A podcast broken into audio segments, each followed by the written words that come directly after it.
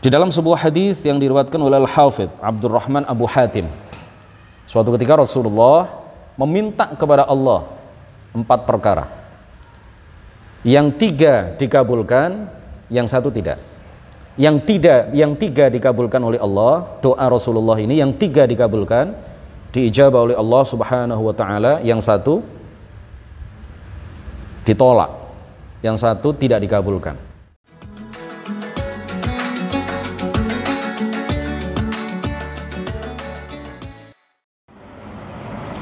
السلام عليكم ورحمة الله وبركاته. الحمد لله والصلاة والسلام على سيدنا محمد رسول الله وعلى آله وصحبه وموالاه ولا حول ولا قوة إلا بالله. رب اشرح لي صدري ويسر لي أمري وثبتني على الإيمان. اللهم لا سهل إلا ما جعلته سهلاً. وأنت يا حي يا قيوم تجعل الحزن إذا شئت سهلا. أما بعد إلى أشرف النبيين محمد رسول الله صلى الله عليه وسلم وآله وذريته وأزواجه وأهل بيته الكرام وإلى أرواح إخوانه من الأنبياء والمرسلين والصحابة والتابعين والأولياء الصالحين والعلماء العاملين والملائكة المقربين والمجاهدين في سبيل رب العالمين وإلى المصنفين المخلصين ونخص خصوصا إلى سلطان الأولياء الشيخ عبد القادر الجيلاني والإمام أحمد الرفاعي الكبير وسلسلة رجال الطريقة الرفاعية وسلسلة رجال الطريقة, الطريقة القادرية وسلسلة رجال الطريقة النكشبندية وسلسلة رجال الطريقة العلوية وإلى أرواح المسلمين والمسلمات والمؤمنين والمؤمنات من مشارق الأرض إلى مغاربها. برها وبحرها خصوصا آبائنا وأمهاتنا وأجدادنا وجداتنا ومشايخنا ومشايخ مشايخنا وأساتذتنا وأساتذة أساتذتنا.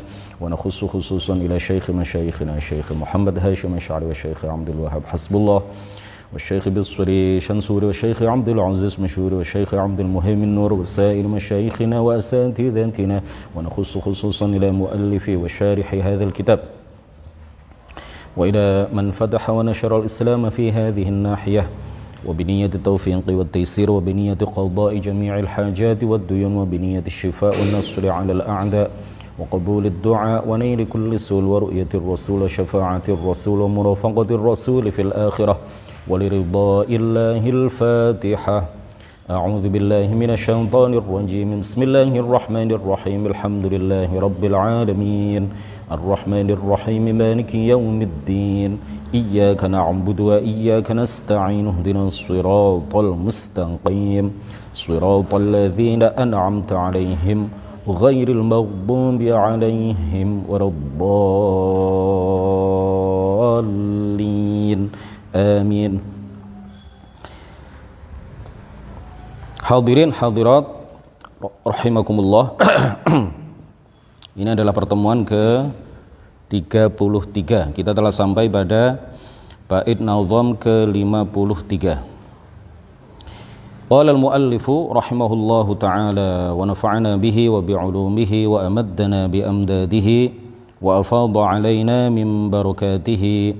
Amin. وجائز عليه خلق الشر والخير كالإسلام وجهل الكفر Cara bacanya wal khairi kal islam wa jahlil kufri. Ini dalam salah satu hasyiah kitab ini.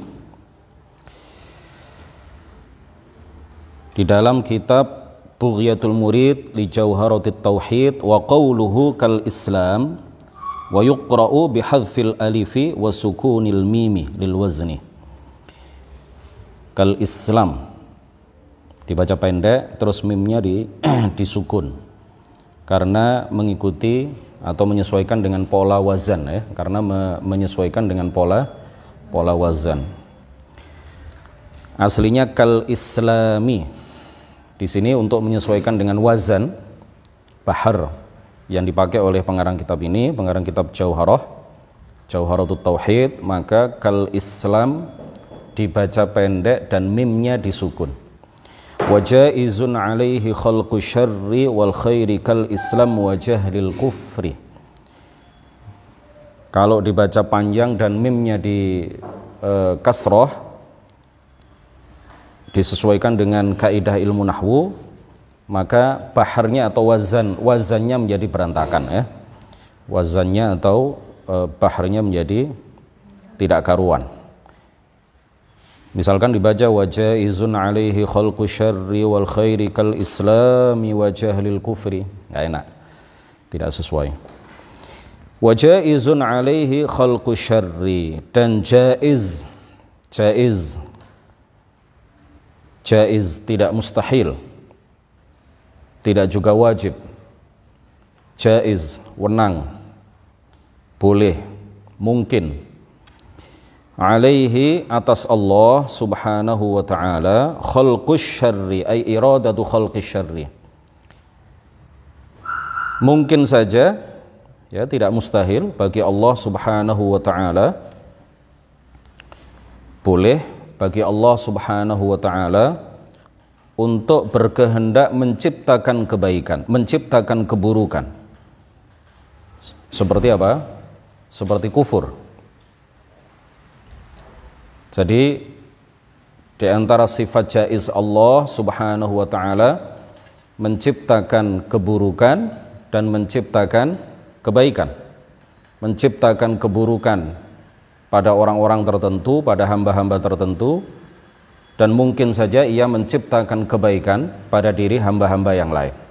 Ini adalah sesuatu yang jaiz bagi Allah Subhanahu wa taala, bukan sesuatu yang mustahil.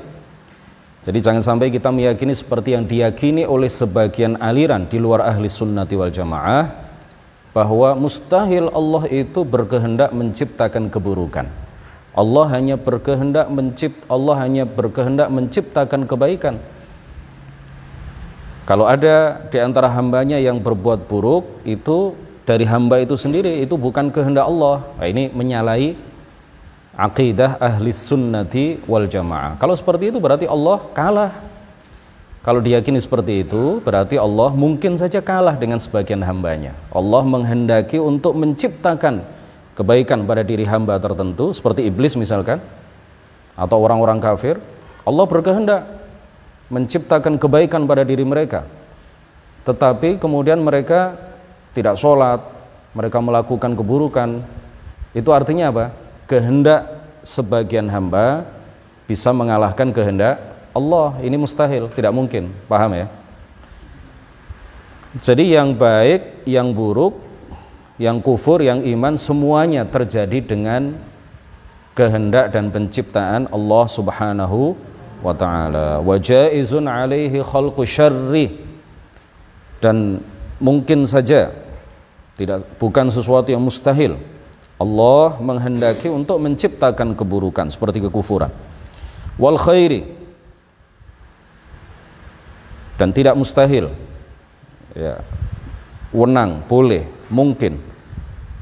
Secara akal Allah Subhanahu wa taala berkehendak untuk menciptakan kebaikan. Kal islami seperti Islam Allah Subhanahu wa taala menghendaki menciptakan mengadakan kebaikan dan keburukan sesuai dengan apa yang dia ketahui pada azal, sesuai dengan apa yang dia tahu pada azal, sesuai dengan pengetahuannya yang azali. Dan Allah Subhanahu wa taala memberlakukan keburukan dan kebaikan pada hamba-hamba tertentu, memberlakukan kebaikan pada hamba-hamba tertentu memper, memberlakukan keburukan kebaikan pada hamba tertentu dan e, keburukan memberlakukan keburukan juga pada hamba-hamba yang lain. Nah, ini semuanya sesuai dengan apa yang ia tentukan, sesuai dengan apa yang ia takdirkan, sesuai dengan apa yang ia kehendaki, sesuai dengan apa yang dia ketahui pada azal. Pada azal ya se sebelum segala sesuatu tercipta sebelum alam raya ini tercipta Allah menghendaki Allah telah berkehendak bahwa si A ini e, akan melakukan kebaikan atau akan melakukan keburukan, akan masuk ke dalam agama Islam atau akan melakukan kekufuran. Wajah lil kufri, wajah lil kufri.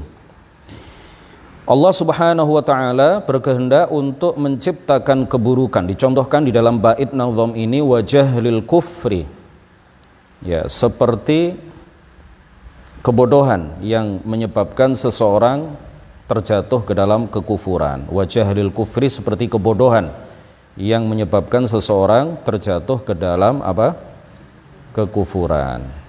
Jadi sekali lagi, baik dan buruk itu semuanya adalah telah ditakdirkan, telah diciptakan, telah dikehendaki, telah ditentukan, telah digariskan, telah ditetapkan oleh Allah Subhanahu wa taala dan apa pun yang Allah kehendaki pasti terjadi. Bait nazam nomor 54 wa wajibun imanuna bil qadari bil qada kama ata fil khabari wa wajibun dan wajib. Wajib secara syarak wajib bagi kita. Secara syarak, secara syariat, imanuna iman kita. Bil qadari kepada takdir. Kepada takdir. Wajib bagi kita semuanya beriman dengan takdir. Wajib bagi kita semuanya secara syariat beriman dengan qadar, dengan takdir. Artinya apa? Wajib kita imani, wajib kita yakini, wajib kita percaya dengan sepenuh hati tanpa ada keraguan sedikit pun bahwa segala apa yang terjadi di alam ini semuanya terjadi dengan takdir Allah semuanya terjadi dengan pengetahuan Allah semuanya terjadi dengan kehendak Allah subhanahu wa ta'ala. Tidak ada satupun sebaliknya tidak ada satupun yang terjadi di alam ini tanpa kehendak Allah.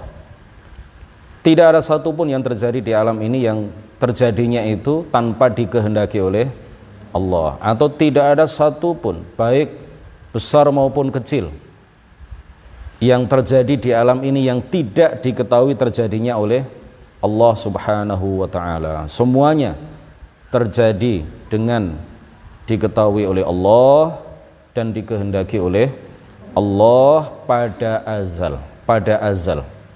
Ya bukan Allah mengetahui terjadinya sesuatu setelah terjadinya bukan. Bukan berarti Allah menghendaki sekarang bukan. Tetapi sebelum alam raya ini diciptakan oleh Allah subhanahu wa ta'ala Allah telah menakdirkan menghendaki mengetahui segala apa yang terjadi di alam ini. Dengan terperinci ya. Dengan apa? Dengan sangat rinci. Allah mengetahui menakdirkan, menghendaki terjadinya pertemuan kita baik secara offline maupun secara online. Di detik ini, di menit ini, di jam ini, di tempat ini dengan sifat seperti ini, dengan jumlah seperti ini. Laki-lakinya sekian, perempuannya sekian. Yang ini namanya ini, yang ini namanya ini. Yang satu berasal dari desa mana, yang laki-laki berasal dari mana? Ada yang dari jauh, ada yang dari dekat. Ada yang mondoknya sudah lama, ada yang mondoknya baru beberapa bulan yang lalu. Ada yang ngantuk, ada yang menyimak dengan seksama, ada yang melihat saya tetapi pandangan matanya kosong. Ada yang paham, ada yang tidak paham, semuanya telah ditakdirkan, dikehendaki, ditetapkan, ditentukan, diketahui oleh Allah Subhanahu wa ta'ala sebelum alam raya tercipta, sebelum segala sesuatu ter, tercipta. Artinya pada azal Allah telah menetapkan, menentukan, menghendaki, mengetahui apa yang kita lakukan sekarang.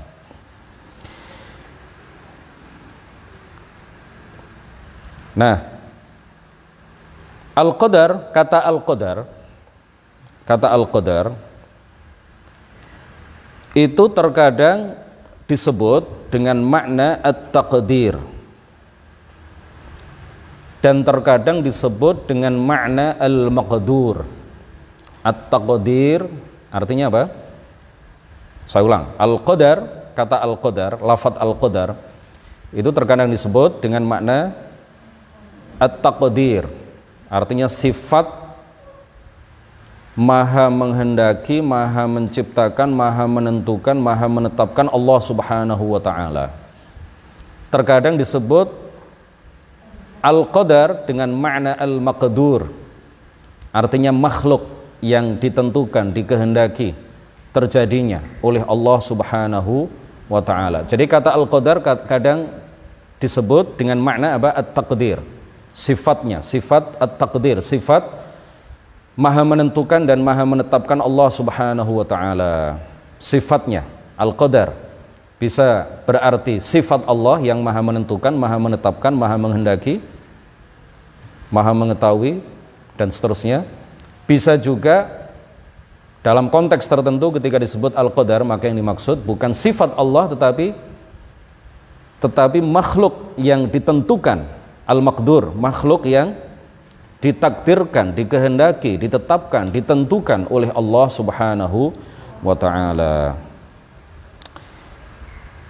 Nah, di dalam hadis yang sama-sama sudah kita hafal, iman ketika Jibril datang dengan beralih rupa menjadi bentuk seorang laki-laki tanpa alat kelamin laki-laki, tanpa dubur, tanpa kubul, tanpa jalur depan dan tanpa jalur belakang, tetapi ia merubah bentuknya dengan beralih rupa menjadi seorang laki-laki yang uh, sangat putih bajunya, ya, tidak diketahui dia dari mana, tiba-tiba datang ke hadapan Rasulullah Shallallahu Alaihi Wasallam untuk mengajarkan kepada para sahabat beberapa hal penting terkait dengan iman, Islam dan ihsan. Jibril bertanya kepada baginda Rasulullah, "Mal iman?" Dijawab oleh baginda Rasul apa? Al imanu an tu'mina billahi wa malaikatihi wa kutubihi wa rusulihi wal yaumil akhiri wa an tu'mina bil qadari khairihi wa syar wa syarrihi. Jadi yang nomor 6 itu apa? Rukun iman yang keenam adalah apa? Wa an tu'mina bil qadari khairihi wa syarrihi. Dhamir pada kata khairihi dan domir pada kata syarrihi yang merujuk kepada kata al-qadar yang disebutkan di, di sebelumnya. Ini dalam arti al-maqdur. Artinya engkau beriman terhadap segala apa yang Allah takdirkan baik yang baik maupun yang bu baik dan buruk ini kembali ke al-maqdur. Kembali kepada makhluk yang ditakdirkan oleh Allah. Itu ada yang baik ada yang bu ada yang buruk. Sedangkan sifat Allah sifat Allah subhanahu wa ta'ala semuanya baik tidak ada yang buruk. Paham ya? Sifat Allah semuanya baik tidak ada yang yang buruk. Takdir Allah terhadap kebaikan itu adalah baik. Takdir Allah terhadap keburukan itu juga adalah ba baik. Sifat Allah tidak ada yang buruk. Yang baik dan yang buruk adalah al-maqdur sesuatu yang diciptakan, ditakdirkan, dikehendaki terjadinya yaitu makhluk ya, dikehendaki terjadinya oleh Allah Subhanahu wa taala. Wabil qada kama ata fil khabari. Dan wajib bagi kita beriman terhadap qada Allah. Al-qada wal khalq wat takwin, al-khalq wat takwin. Al-qada ya artinya adalah penciptaan Allah Subhanahu wa taala. Apa yang Allah ciptakan, apa yang Allah uh, tentukan, Allah tetapkan pada azal pasti akan terjadi. Kama ata. Sebagaimana hal itu tersebut. Sebagaimana hal itu warid tersebut fil khabari di dalam hadis ya. Fil khabari di dalam hadis. Ini sudah sudah lewat penjelasannya. Baik, anak-anak sekalian, hadirin hadirat yang mudah-mudahan dirahmati oleh Allah Subhanahu wa taala. Kamis lusa kita akan menyongsong malam nisfu Sya'ban. Tidak boleh diyakini bahwa pada malam nisfu Sya'ban Allah mengubah kehendaknya bagi sebagian hambanya yang melakukan berbagai kebaikan pada malam nisfu Sya'ban. Kita yakini sebagaimana dikhabarkan oleh baginda Rasulullah sallallahu alaihi wasallam bahwa malam nisfu Sya'ban yang tahun ini jatuh pada hari Kamis malam Jumat lusa tanggal 17 malam tanggal 18 Maret. Kita yakini bahwa malam itu adalah malam yang penuh keberkahan. Malam yang penuh kemuliaan. Malam terkabulnya doa. Malam yang disebut oleh baginda Rasulullah sallallahu alaihi wasallam di dalam hadis sahih riwayat Ibnu Hibban bahkan tokoh Wahabi Al Albani yang mereka sebut sebagai pakar hadis ya di kalangan orang-orang Wahabi Al Albani juga mensohihkan hadis ini. Rasulullah Shallallahu Alaihi Wasallam bersabda, "Yattali'u Allahu ila khalqihi fi lailatin nisfi min Sya'ban, fayaghfiru li jami'i khalqihi illa li musyrikin au musyahin." Allah Subhanahu wa taala memberikan rahmat khusus, menganugerahkan rahmat khusus. Rahmat khusus itu artinya apa? Rahmat yang disertai dengan kemuliaan. Rahmat yang disertai dengan keagungan derajat. Rahmat yang disertai dengan pemberian pahala. Itu artinya rahmat rahmat khusus. Allah Subhanahu wa taala memberikan rahmat khusus kepada seluruh makhluknya pada malam nisfu Sya'ban. Fayaghfiru li jami'i khalqihi maka Allah Subhanahu wa taala mengampuni dosa seluruh makhluknya pada malam nisfu Sya'ban kecuali dua orang. Illa li musyrikin au musyahin. Illa li musyrikin au musyahin. Dua orang yang tidak diampuni dosanya oleh Allah Subhanahu wa taala pada malam nisfu Sya'ban. Yang pertama adalah orang musyrik. Termasuk di dalamnya orang kafir orang non-Islam, orang murtad, orang-orang yang bukan orang Islam ya, tidak akan mendapatkan pengampunan dosa pada malam nisfu Sya'ban. Au musyahin. Allah Subhanahu wa taala juga tidak memberikan ampunan dosa kepada musyahin. Siapa itu musyahin? Yaitu orang yang orang muslim tetapi dia menyimpan kebencian, menyimpan kedengkian, menyimpan hasut, menyimpan permusuhan di dalam hatinya kepada sesama muslim karena urusan-urusan duniawi. Makanya sebelum masuk malam nisfu Sya'ban ada waktu dua hari ini untuk membersihkan hati kita dari segala iri, dengki, kebencian, permusuhan kepada sesama muslim.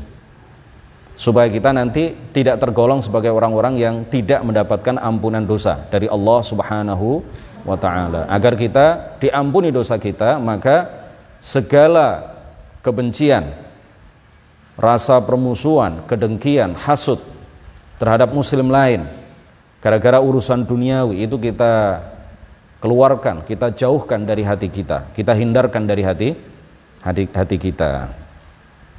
Nah, pada malam nisfu Sya'ban Allah Subhanahu wa taala tidak mengubah takdirnya tidak mengubah kehendaknya sebagaimana Allah juga tidak mengubah takdir, tidak mengubah kehendaknya di malam-malam yang lain, di waktu-waktu yang lain.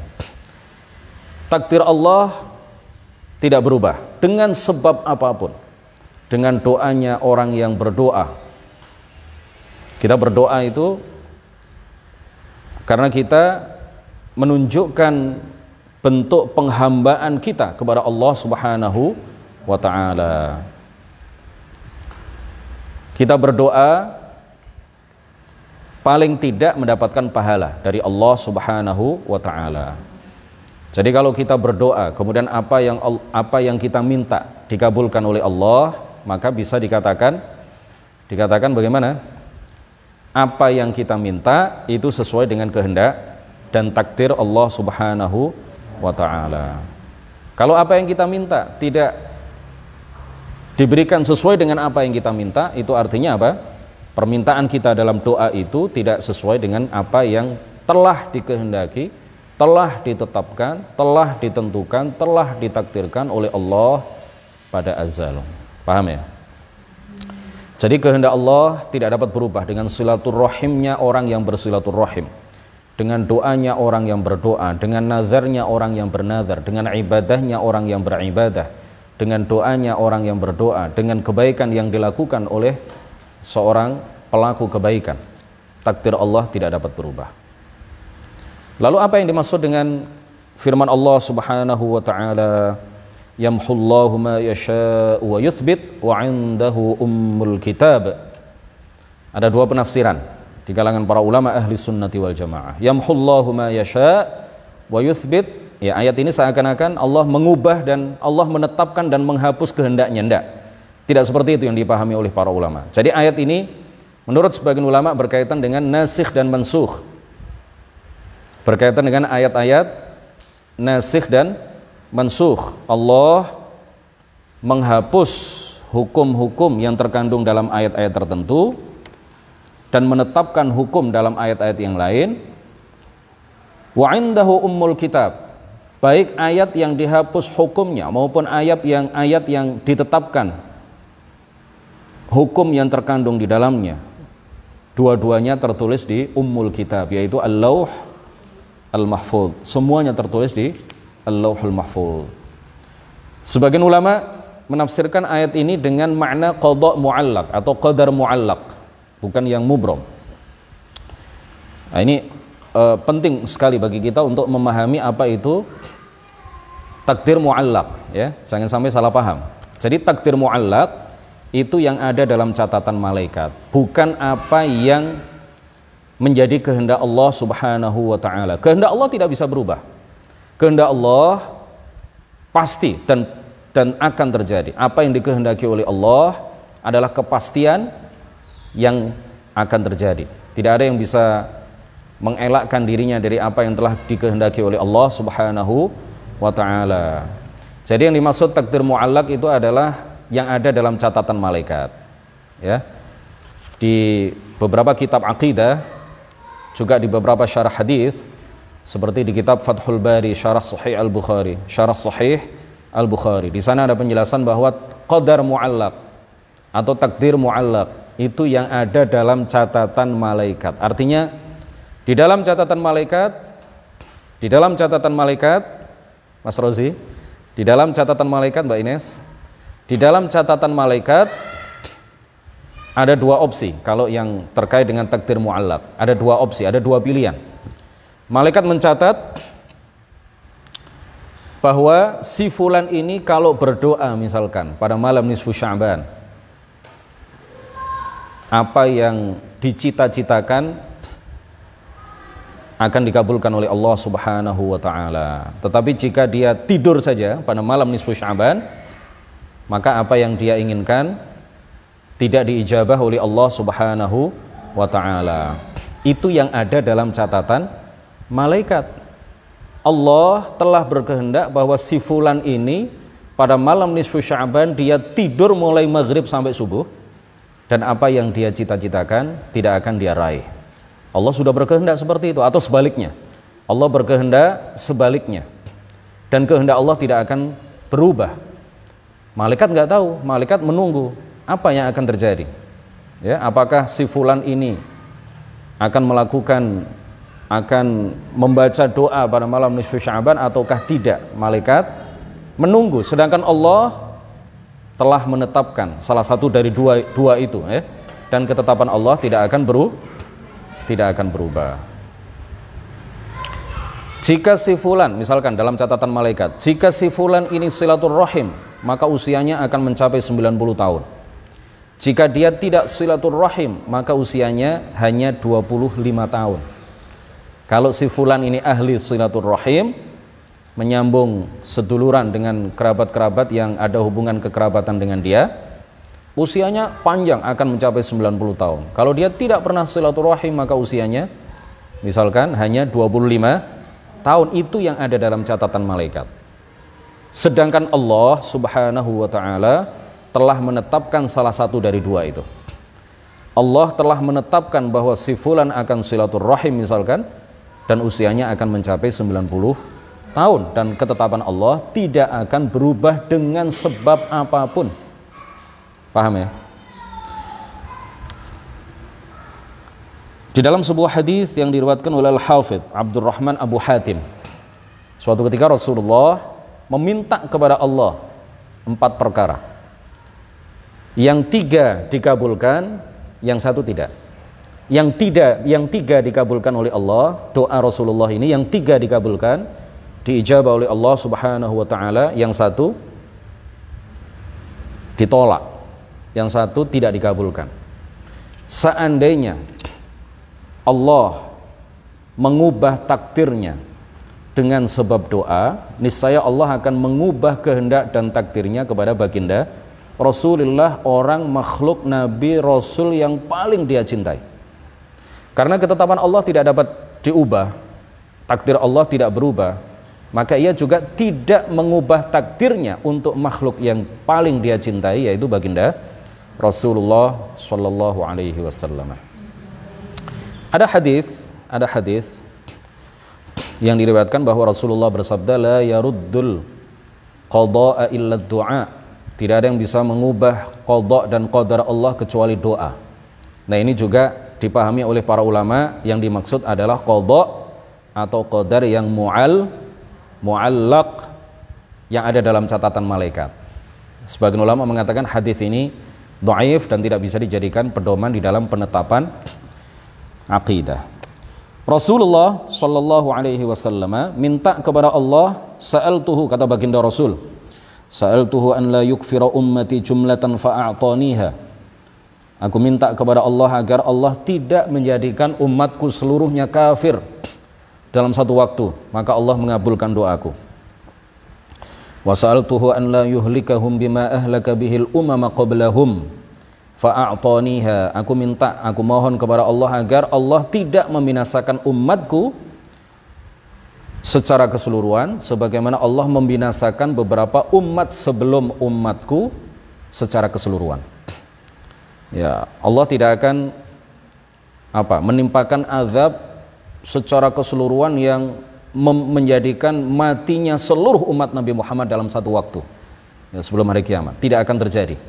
Karena ini doa Rasulullah kepada Allah yang dikabulkan oleh Allah Subhanahu wa taala. Tidak seperti umat-umat terdahulu umat uh, siapa umat Nabi Nabi Soleh umat Nabi Hud umat Nabi Nuh ya yang tidak mau naik naik ke atas perahu beliau, ke atas kapal beliau, semuanya dibinasakan oleh Allah Subhanahu wa taala dalam satu waktu. Allah tidak akan menimpa menimpakan kebinasaan seperti itu kepada umat Nabi Muhammad sallallahu alaihi wasallam. Wa sa'altuhu kata baginda Rasul wa sa'altuhu an la yudhhiru alaihim aduwan min ghairihim fayastasiluhum fa'ataniha. Aku juga mohon kepada Allah, aku berdoa kepada Allah agar Allah tidak menimpakan musuh dari luar Islam yang kemudian membinasakan umatku secara keseluruhan. Ini doa Rasulullah kepada Allah dan kemudian apa? Fa'atoniha dikabulkan oleh Allah.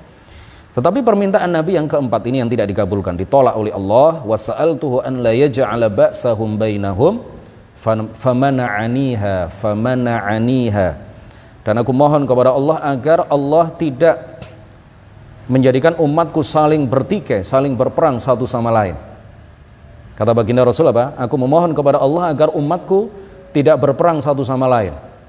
Tidak bertikai satu sama lain. Famana'aniha doaku ini ditolak, tidak dikabulkan oleh Allah. Makanya kalau terjadi peperangan antar saudara sesama umat Islam, ya itu memang sesuatu yang uh, uh, Rasulullah tidak mau itu terjadi dan dan Rasulullah memohon kepada Allah agar itu tidak terjadi tetapi Allah tidak mengabulkan doa dan permohonan beliau dalam hadis yang diriwayatkan oleh Imam Muslim Sa'altu Rabbi thalathan fa'a'tani thintain wa mana'ani wahidatan Aku mohon kepada Allah tiga perkara dalam riwayat yang lain yang diriwayatkan oleh Imam Muslim. Aku mohon kepada Allah tiga perkara.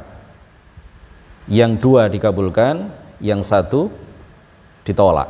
Yang satu di, ditolak. Kemudian dalam satu riwayat Allah Ta'ala berfirman kepada baginda Rasul dalam hadis Qudsi Ya Muhammad, wahai Muhammad Inni idha qadaitu qadaan fa innahu la yuraddu.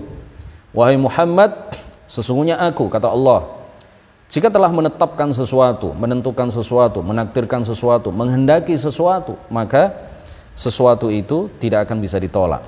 Dengan sebab apa pun dan dengan alasan apa pun, dengan doanya orang yang berdoa, bahkan dengan doanya Nabi Muhammad sekalipun, apa yang Allah tetapkan tidak akan uh, tidak terjadi, pasti akan terjadi, tidak bisa ditolak oleh siapa pun.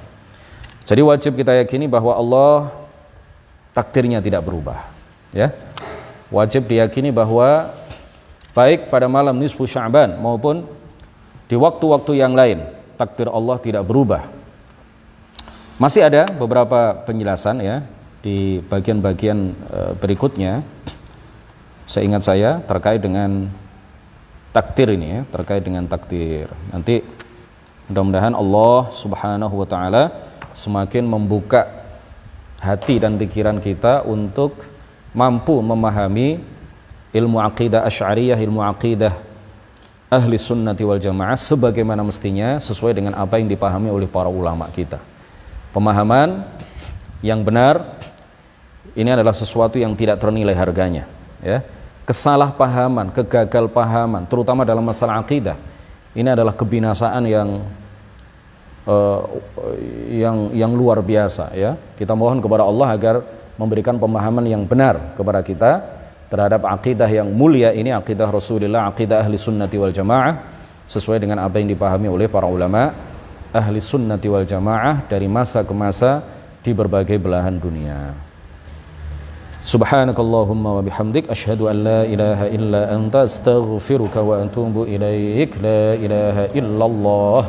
اللهم صل على سيدنا محمد وعلى آله وصحبه وسلم. ربي اغفر لي ولوالدي وللمؤمنين والمؤمنات. ربي فانفعنا ببركاتهم واهدنا الحسنى بحرمتهم وبالسلام